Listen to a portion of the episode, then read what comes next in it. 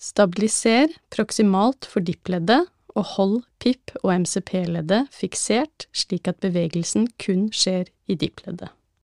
Start med fingeren strak, og bøy i dippleddet, strekk ut igjen til utgangsstilling, og gjenta.